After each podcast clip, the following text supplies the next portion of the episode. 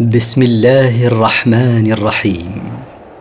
مركز تفسير للدراسات القرآنية يقدم المختصر في تفسير القرآن الكريم صوتيا برعاية أوقاف نوره الملاحي سورة الليل مكية من مقاصد السورة بيان أحوال الخلق في الإيمان والإنفاق وحال كل فريق التفسير والليل إذا يغشى أقسم الله بالليل إذا يغطي ما بين السماء والأرض بظلمته والنهار إذا تجلى وأقسم بالنهار إذا تكشف وظهر وما خلق الذكر والأنثى وأقسم بخلقه النوعين الذكر والأنثى إن سعيكم لشتى إن عملكم أيها الناس لمختلف فمنه الحسنات التي هي سبب دخول الجنة والسيئات التي هي سبب دخول النار فأما من أعطى واتقى فأما من أعطى ما يلزمه بذله من زكاة ونفقة وكفارة واتقى ما نهى الله عنه وصدق بالحسنى وصدق بما وعده الله به من الخلف فسنيسره لليسرى فسنسهل عليه العمل الصالح والإنفاق في سبيل الله واما من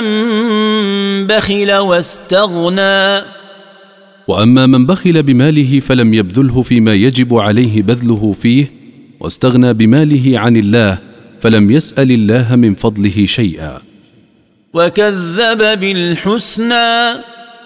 وكذب بما وعده الله من الخلف ومن الثواب على إنفاق ماله في سبيل الله فسنيسره للعسرى فسنسهل عليه عمل الشر ونعسر عليه فعل الخير وما يغني عنه ماله اذا تردى وما يغني عنه ماله الذي بخل به شيئا إذا هلك ودخل النار ان علينا للهدى إن علينا أن نبين طريق الحق من الباطل وان لنا للاخره والاولى وإن لنا للحياة الآخرة ولنا الحياة الدنيا نتصرف فيهما بما نشاء وليس ذلك لأحد غيرنا فانذرتكم نارا تلظى فحذرتكم أيها الناس من نار تتوقد إن أنتم عصيتم الله لا يصلاها الا الاشقى لا يقاسي حر هذه النار إلا الأشقى وهو الكافر الذي كذب وتولى الذي كذب بما جاء به الرسول صلى الله عليه وسلم وأعرض عن امتثال أمر الله وسيجنبها الاتقى وسيباعد عنها أتقى الناس أبو بكر رضي الله عنه الذي يؤتي ماله يتزكى الذي ينفق ماله في وجوه البر ليتطهر من الذنوب وما لاحد عنده من نعمه تجزى